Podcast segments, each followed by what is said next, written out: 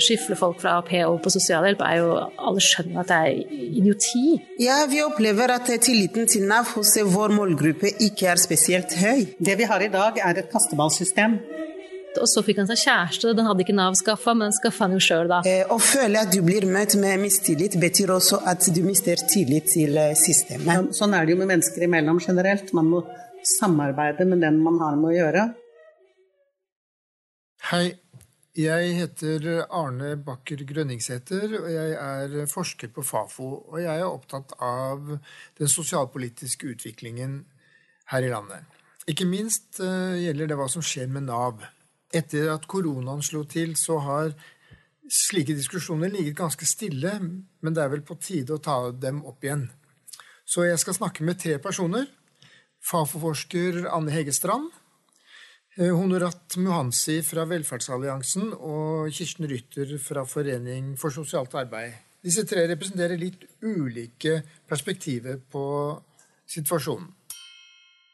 Antallet arbeidsledige økte fra rundt 100 000 til over 400 000 i løpet av noen uker i mars-april. Nå er det litt nedgang, men fortsatt på et ekstremt høyt nivå. Og dette har satt Nav under et helt spesielt press. Før koronaen traff oss i mars, var det mange diskusjoner i offentligheten om utfordringene i Nav. Jeg kan jo nevne i hvert fall fire av dem. Ehm, for det første så var det det som vi kan kalle Schengen-skandalen, som utfordret spørsmål om rettssikkerhet og tillit. Eh, innstrammingen i AFP førte til store diskusjoner om arbeidslinja og om bruken av sosialhjelp. Videre har man diskutert uh, ungdomssatsing, og det har kommet nye regler for arbeidsplikt. Og dette har igjen reist spørsmål om tiltak og kvalifisering, og hvordan vi kan bidra til arbeidsinkludering på en bedre måte. Uh, overføringsordningen til barnefamiliene ble utredet, og det kom en NOU, men den er blitt liggende ganske mye i en skuff, tror jeg. Det er i hvert fall ikke mye diskusjon om den. Den første jeg skal snakke med, da, det er Anne Hege Strand, som er forsker på Fafo og har jobbet mye med Nav, uh, ulike problemstillinger knytta til Nav. Um, og kanskje jeg har lyst til å starte med å spørre deg litt om brukernes opplevelser. Hva, hvordan ser det ut fra et forskersynspunkt? Du har vel også snakka med en del brukere opp igjennom? Ja. Uh, ja jeg jobba på Fafo i flere år. og særlig med arbeidsinkludering av unge. Så hvis jeg skal svare på det spørsmålet, så blir det litt ut fra den forskningen vi har gjort på unge som står utenfor arbeidslivet. Eh, det vi ser, det er jo at eh, brukeres erfaringer de formes jo i møte med systemet. Eh, så de erfaringene brukerne har, de har de jo fra de møtene de har hatt med de de treffer. Mens andre som ikke er brukere av Nav, de former jo sin oppfatning av Nav i stor grad ut fra det, de leser i media eller store oppslag. Så en ting vi fant i den forskningen, det var jo at mange kom til Nav eh, og var ganske negative. Fordi det er et ganske negativt inntrykk av Nav som skapes gjennom media. Og så fikk de hjelp, og så ble de sett, og så ble de hørt. Eh, og når jeg intervjua dem, så var de jo veldig fornøyd med Nav. De trodde jo ikke det skulle være så bra som det viste seg å være for dem. Eh, så det er jo et viktig perspektiv å ha med seg. da, At det er viktig hvordan du blir møtt. Og når du blir møtt på en måte som gjør at du føler at du får hjelp, så vil du også ja, se på Nav på, med, med, mer positivt blikk, tenker jeg. Mm. Eh, ja, det er jo et uh, veldig bra funn, da, egentlig. Folk, altså, jo nærmere man er systemet, jo, jo mer tillit har man, kanskje? Eller positiv altså, I motsatt fall så vil det jo være sånn at eh, hvis man ikke blir møtt på den måten man bør møtes på Vi fant noen eksempler på det også når vi intervjua unge brukere, men det var ikke hovedfunnet. Så, så farges jo man av de negative opplevelsene. Eh, og så vil det nok også være sånn, og det gjelder kanskje i noe større grad unge enn andre, det vet jeg ikke, at i en negativ opplevelse kan feste seg litt. Eh, særlig hvis du sitter i en sårbar situasjon og så du ikke blir hørt akkurat der og da, så er det den opplevelsen som, som preger deg litt. Da, sånn at man kan bli litt sånn skeptisk til de som skal hjelpe deg, hvis du har fått mange negative opplevelser. Eh, det som har skjedd med en del unge som kommer til Nav, det er at de har jo ofte ikke lykkes så godt i livet sitt. De kommer jo til Nav av en grunn. Eh, nå snakker jeg ikke om koronasituasjonen som har brakt oss inn i en sånn massearbeidsledighet, Men før korona hadde vi en ganske lav arbeidsledighet. Så de unge som kom til Nav, de har ofte andre ting de sliter med. De har ikke alltid klart å fullføre skole osv. Så videre. sånn det, det å ta med seg erfaringer fra at man ikke lyktes med skolen, at de som skulle hjelpe deg før, man kanskje har vært i kontakt med barnevernet osv., former deg jo også. Og kan jo gjøre det litt vanskeligere for de eh, som er i Nav-systemet, å komme i posisjon. Fordi man har en erfaring med at de som skal hjelpe deg, ikke, ikke er til å stole på. Men hva er det da som skal til for at, liksom, for at tiltak og ordninger skal fungere arbeidsinkluderende? Da? For det er vel det som er målet? Altså, man må jo ha tillit til at folk faktisk kan klare det. Man må jo stole på at folk faktisk kan få til noe. Eh, og så må man jo gi muligheter som gjør at noen føler mestring. Eh, noe av eh, suksessen tror jeg med den f.eks. For forsterka ungdomsinnsats som har vært i Nav nå de siste årene, hvor man har bygd opp sterkere ungdomsteam og sånn, det er jo at de veilederne som er der, de har mye større kompetanse om det å jobbe med ungdom.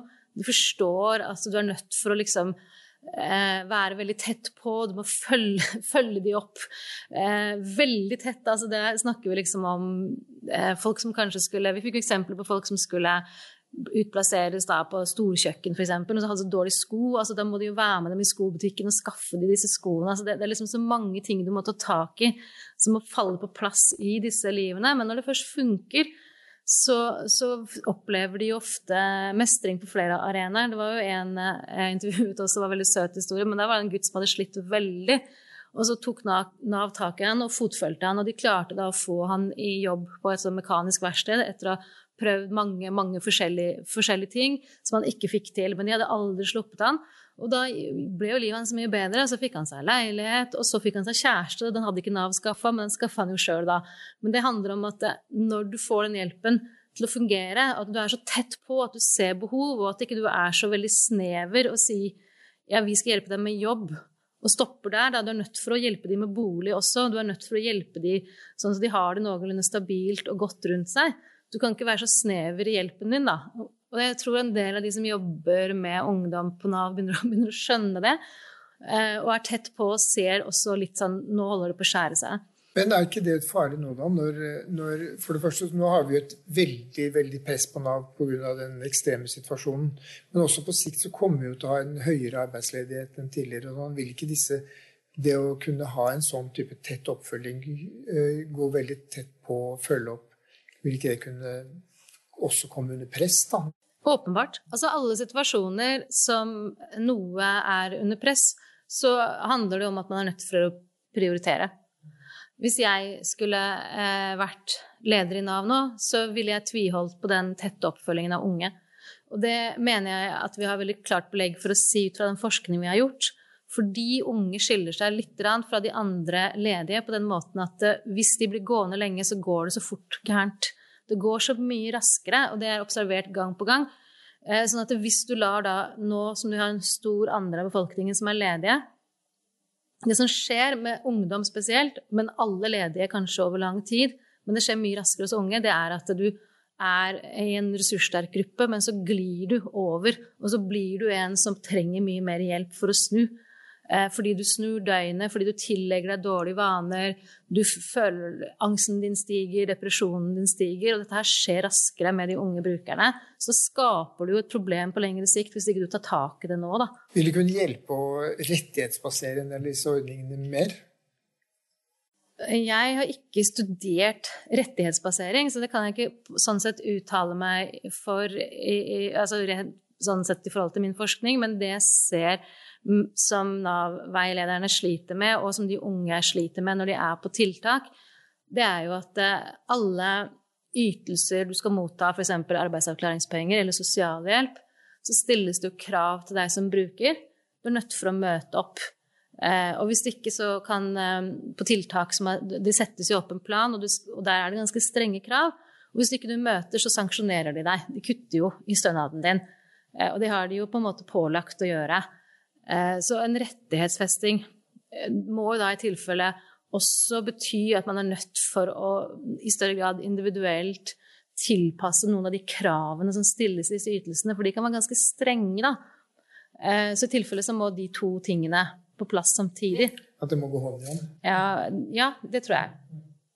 Men fordi at en, av de, en av de utviklingene vi også har sett, er jo bl.a. at som konsekvens av uh, AAP-ordningen er blitt stramma inn, så er det blitt større bruk av sosialhjelp. Og på en måte er jo sosialhjelp en mer sånn behovsorientert ytelse, mens, øh, mens den mer rettighets... Øh, så den blir en svekking egentlig av, av rettighetsordningene, da, ved at, at, man går over på mer sosialhjelp. Altså, jeg vet ikke om jeg skal bruke det ordet rettighetsfesting, men det som jeg opplever er en stor utfordring med AAP-ordningen, er at man har satt en firkanta boks rundt og sier at alt skal skje i løpet av tre år. Eh, og det er jo ikke individuell tilpassing. Eh, så hvis du ikke er avklart da, i løpet av tre år, så mister du jo muligheten til å gå på AAP. Du blir satt i karantene, så må du vente ett år før du kan få uh, den ytelsen igjen. Og det som har skjedd nå, det, det skjedde jo nå i, i, ved årsskiftet, på begynnelsen av 2020, at uh, de som hadde vært den første puljen da, som ble satt i karantene, på en måte, fikk jo da rettigheten til å komme inn på AAP igjen. Og da ser man jo at av nye AAP-brukere som kommer inn da i første kvartal eh, nå, i 2020, de kommer jo da omtrent halvparten, 40-50% fra den karrierensperioden. Og da har man jo skapt en trygdefelle. For da driver man og skyfler folk mellom sosialhjelp og arbeidsavklaringspenger. Det er et stort systemproblem.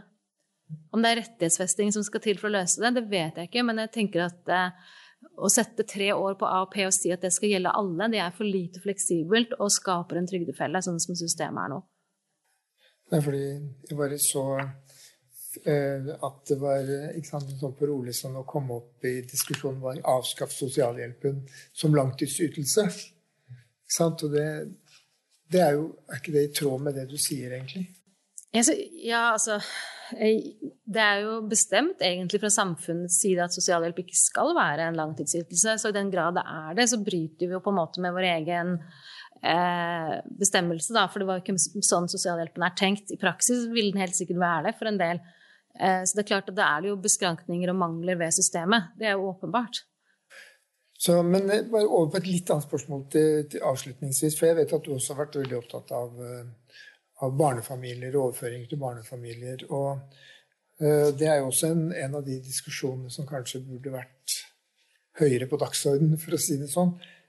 Og, og, vi hadde jo den, Du var jo med på den utredningen av barnefamilien, overføring til barnefamilien. Og de prøvde seg jo på et sånn helhetsperspektiv på en måte, som jeg syns mangler veldig i den debatten nå. Nå er det, diskuterer man bare sånne enkeltelementer. Mens den, det utvalget prøvde jo å ha et slags helhetsperspektiv på barnefamilienes situasjon. Det hadde vært spørrende å utfordre litt på det. Ja, jeg satt i sekretariatet til det barnefamilieutvalget, så jeg hadde ikke en stemme i utvalget, så jeg sagt, men jeg fulgte det arbeidet tett i ett og et halvt år. Ehm, jeg syns den måten barnefamilieutvalget gjorde på, var jo å se alle overføringer til barnefamilier under ett, og så prøve å se disse systemene litt i sammenheng, og det tror jeg var en utrolig styrke ved det.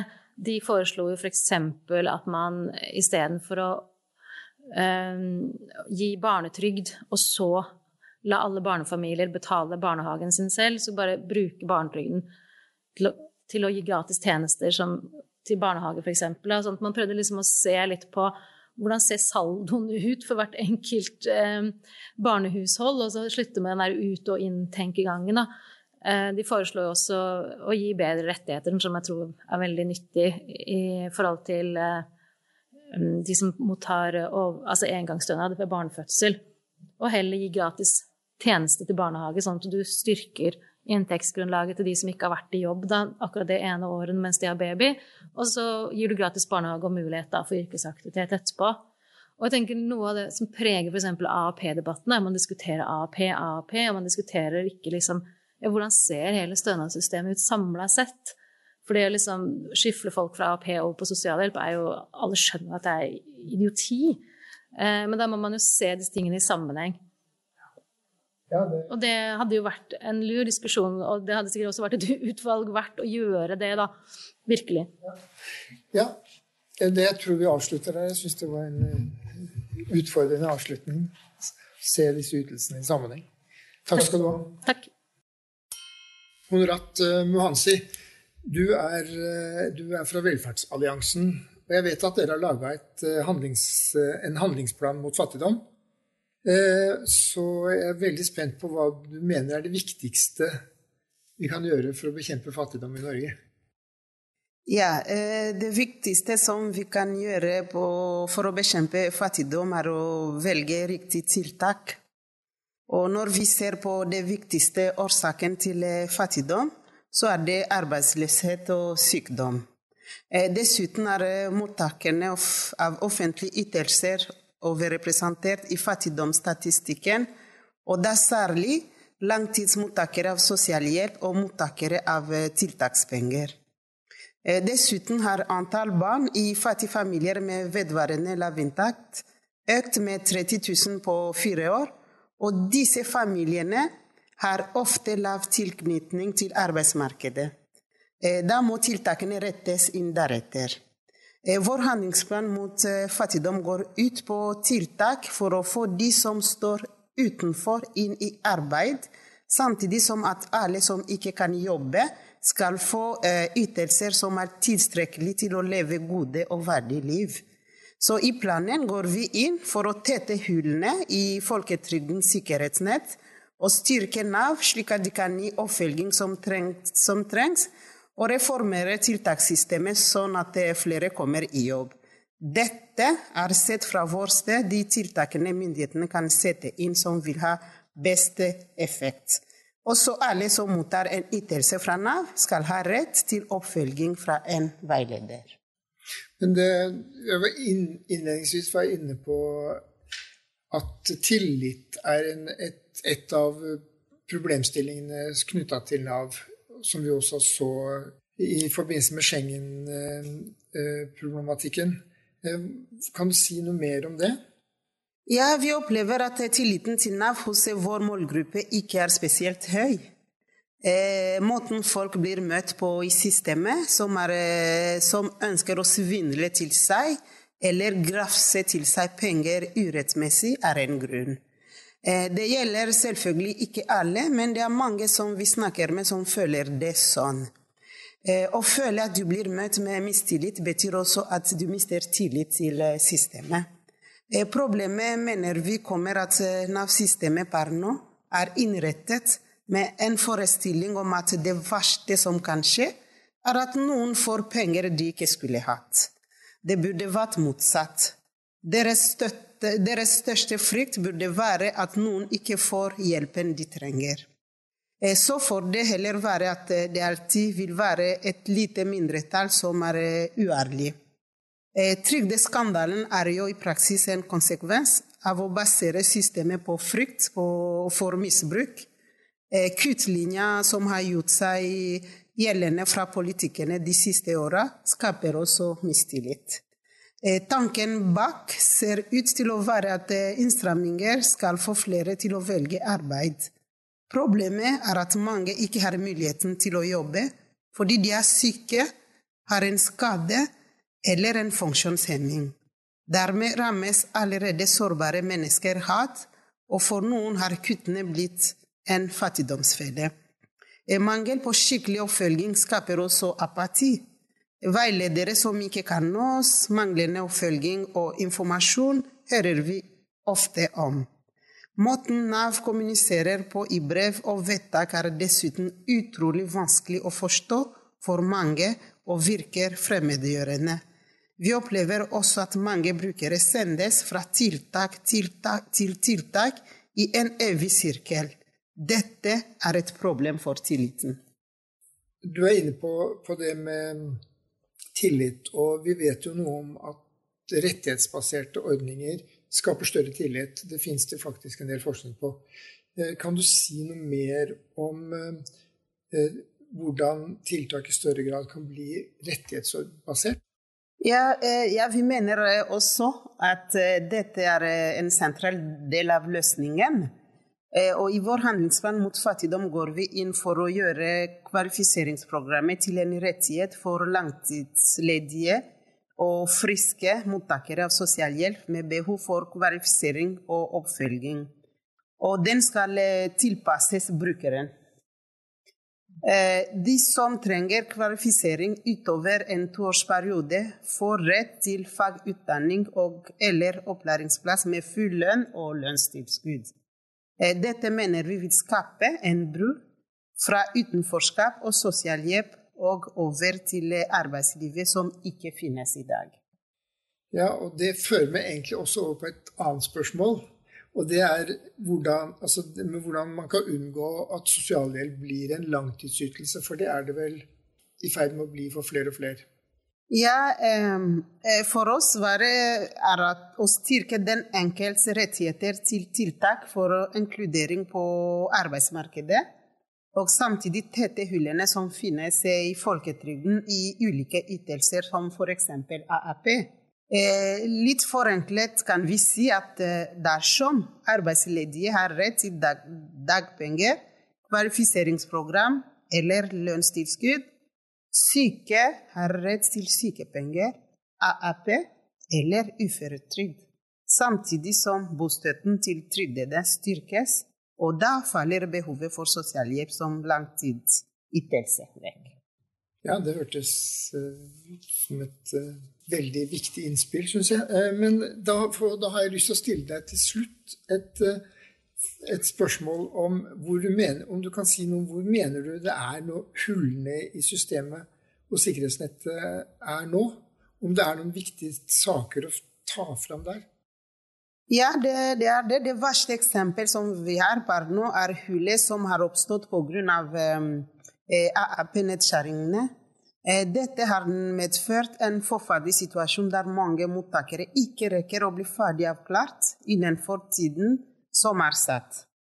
Eh, de faller da ut av AAP uten en avklaring, og får ikke søke på nytt i løpet av den påfølgende karenstiden på 52 uker.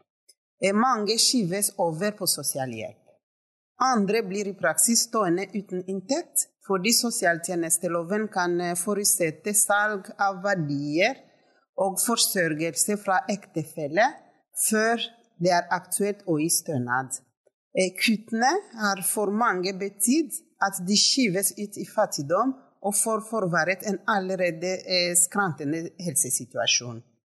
Dette bidrar også til å forverre tendensen til at sosialhjelp i økende grad har blitt en langtidsytelse som jo aldri var ment å være. Det er jo forferdelig. Sosialhjelpen er altfor lav til å kunne leve av over tid. Og så har man jo inngangs, eh, inngangskriteriene, de kjønnsmessige vurderingene, og alt alle inntekter gir strekk. Noen kommuner stiller jo krav om at søkeren må kvitte seg med alle verdier, f.eks. bil, bolig, at de må sprette BSU-konto, eller det henvises til at ektefelle eller foreldre kan forsørge deg. Sånne krav bidrar til å låse mangel i en fattigdomsfelle. Takk skal du ha. Jeg syns det er en viktig stemme som Velferdsalliansen representerer, og jeg håper at eh, en del av de poengene som du nå trekker fram, virkelig kan være med på å prege debatten framover. Tusen takk. Den siste vi skal snakke med, er eh, Kirsten Rutter. Du er jo tidligere Nav-leder, og dessuten eh, representerer du Foreningen for sosialt arbeid, så du har på en måte to hatter her. Men de hattene er vel lett å, for, å, forene, på en måte. Så jeg har lyst til å begynne med å spørre deg, da, hva er det du er mest opptatt av i, i diskusjonen omkring det. Altså. Ja, altså jeg er jo også opptatt, mest opptatt av dette med rettigheter, men jeg definerer rettigheter litt bredt. Fordi jeg tenker at uh, um, også i Norge, som har et veldig bra eh, og universelt sikkerhetsnett, så er det hull, og de hullene må rettes opp. Og sånn som uh, Honorate Mohansi sa, så er det et spesielt problem at man har kuttet i AAP. Men det er også et problem at AAP egentlig er begrenset i forveien. Fordi de som mottar arbeidsavklaringspenger, de er um, avhengig av at systemene rundt dem fungerer. Uh, og Derfor så tenker jeg at AAP bør være en rettighet til man har blitt frisk eller fått sin sak avklart mot uførepensjon. Uh, og når jeg sier at jeg tenker rettigheter mer bredt, så tenker jeg at arbeidslinja også må være en rettighet. Fordi hvis man, når man har dagpenger, er arbeidsledig eller sosialhjelp eller AAP, så kreves det at man er i aktivitet. Mens det er ikke noe rettighet å få tilbud om, um, om uh, arbeidsmarkedstiltak. Derfor sier jeg det litt sånn grovt sagt at arbeidslinja også må være en rettighet. Uh, og det siste som også henger sammen med dette, det er um, Nav. Rettssikkerheten og tillitsledelse i Nav. Eh, at for å reformere det systemet, så er det ikke nok å bygge om på rettighetene, men man må også bygge om på den måten Nav fungerer på. Hva, tror du, hva skal til for å styrke tilliten da, blant brukerne? For det er, jeg syns jo det er interessant det med rettighetsorientering. For det fins jo ganske mye forskning som viser at, det, at en større rettighetsorientering også gir større tillit, på en måte. En av de tingene som brukere ønsker seg, og det er det jo Foreningen for funksjonshemmedes fellesorganisasjon, de har også understreket det, er at det må være rettigheter som er så tydelig formulert at de kan forholde seg til det.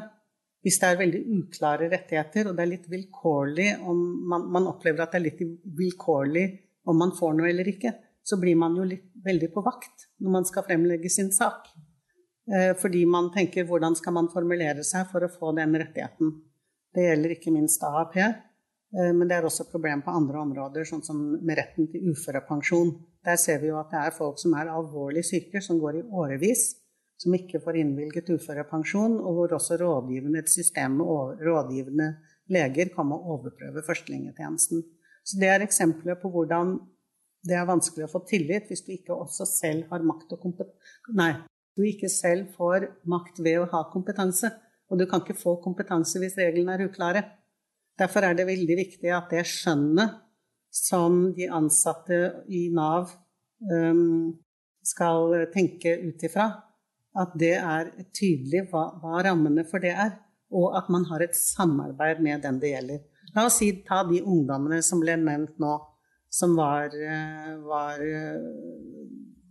var eh, spesielt vanskeligstilte, og hvor um, man må gå inn i et samarbeid for å finne ut hva kan de være med på. Sånn er det jo med mennesker imellom generelt. Man må samarbeide med den man har med å gjøre, for å kunne komme fram til hva man kan gjøre sammen, og så for å få resultater. Sånn må det også være relasjonen mellom veileder og bruker i Nav. Men for at det skal være mulig igjen for veilederne å kunne gjøre dette, så må det også være flere veiledere, og de må ha denne myndigheten. Og da er vi inne på hvordan arbeidsmarkedstiltakene i dag fungerer. Da har jeg lyst til å følge opp det med å utfordre til å si noe om sosialhjelpa, fordi det er jo en sammenheng her hvis når du er syk, arbeidsledig, har rett til sykepenger, arbeidsavklaringspenger, dagpenger, og du også har rett til aktive tiltak, altså aktive utdanningstiltak, omskoleringstiltak, helsehjelp og alt dette, eh, så vil jo på en måte behovet for sosialhjelp bli borte. Og da får vi bort denne litt umyndiggjørende ordningen som vi har, som flere og flere mennesker innlemmes i, Eh, hvor eh, det er enda mer uklart hva man har rett til, og hvilke eh, krav som stilles, eller hvilke forventninger som er, og hvilke rettigheter du har i forhold til oppfølging i forhold til aktive arbeidsmarkedstiltak. Så, så mål, det, må være, det er, må være, fortsatt være et mål at sosialhjelpen avvikles, og det kan avvikles ved at rettighetene styrkes. Det betyr jo ikke Og det betyr at kontrollen som i dag er i systemet, at, at det på en litt sånn mistenkeliggjørende måte, så blir det istedenfor en samarbeidende måte, hvor man kan samarbeide med sine veiledere om, om, et program som er gjennomførbart, og man får den oppfølgingen man trenger. Du sier at arbeidsmarkedstiltak skal være rettighet. Hva, hva mener du med det egentlig? Det vi har i dag, er et kasteballsystem hvor de i Nav egentlig ikke etter reglementene skal følge opp brukerne aktivt, med mindre det er et prosjekt eller et unntak. Man skal henvise folk til et arbeidsmarkedstiltak. Så, sted, så da blir den brukeren som ønsker å få kontakt med veileder uh, for å få hjelp til jobb, for å få koordinert synstak, for å få vurdert utdannelse, de blir isteden sendt til et arbeidsmarkedstiltak. De må forholde seg til et nytt person. Dette koster kongeriket Norge 6 milliarder kroner i året. Og Derfor så gir det mening å si at i hvert fall to-tre av de milliardene må kunne overføres til Nav i form av å styrke ansatte, penger til mer lønnstilskudd, kvalifiseringsprogram og styrke uh, fagopplæringa i, i, videregående skole og i, og i voksenopplæringa. Så det problemet er økonomisk løst. Arbeidsmarkedspenger er det masse av, det blir bare brukt feil. Så da, tror jeg jeg skal stille deg ett spørsmål til slutt. Fordi Anne Hege var inne på det med foreldrepenger eh, som et tema. Og jeg vet at Foreningen for sosialt arbeid har vært opptatt av eh, foreldrepenger. Kan du si noe mer om det? Nei, altså Det er jo veldig urettferdig at, um, at de som har tjent penger, de kan nærmest få full jobb, nei, full lønn når de, er, når de får barn. Mens de som har gått i kvalifiseringsprogram, introduksjonsprogram, betalt skatt, ikke får det. Det er også i strid med den tenkning omkring det universelle i vårt velferdssystem, og som alltid har vært en kampsak eh, at eh, de som ikke hadde god nok opptjening, de skulle få en minstepensjon. Og så er det foreldrepenger en unntak. De har ikke rett til eh, foreldrepenger tilsvarende minst en minstepensjon. Noe det utvalget du og, og Anne Hege refererte til, hadde kommet fram til at man nå måtte yte. Ja, fint. Da, da tror jeg vi jeg sier takk til deg òg. Vi har snakket om Nav med en forsker fra Fafo, med en representant for Velferdsalliansen og med en representant for Forening for sosialt arbeid. Den viktigste oppsummeringen er vel at det trengs videre debatt. Og noen punkter er gjennomgående i det vi har fått presentert. Utsatte grupper, ikke minst ungdom som kommer til Nav, trenger tett oppfølging.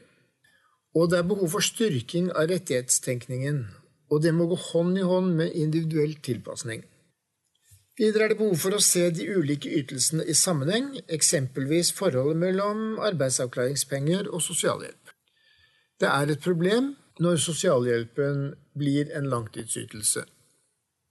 Det er behov for å identifisere huller i systemet. Et eksempel er foreldrepenger til de som ikke har opptjening Eh, en tetting av hullene i systemet må gå hånd i hånd med styrket oppfølging fra veilederne og individuelt tilpassede planer. God oppfølging kan styrke tilliten til systemet. Diskusjonen om Nav og om fattigdomsbekjempelse må fortsette, og den må være kunnskapsbasert. Den må inkludere brukerstemmer og ansattes erfaringer. Og vi har tenkt å fortsette den diskusjonen.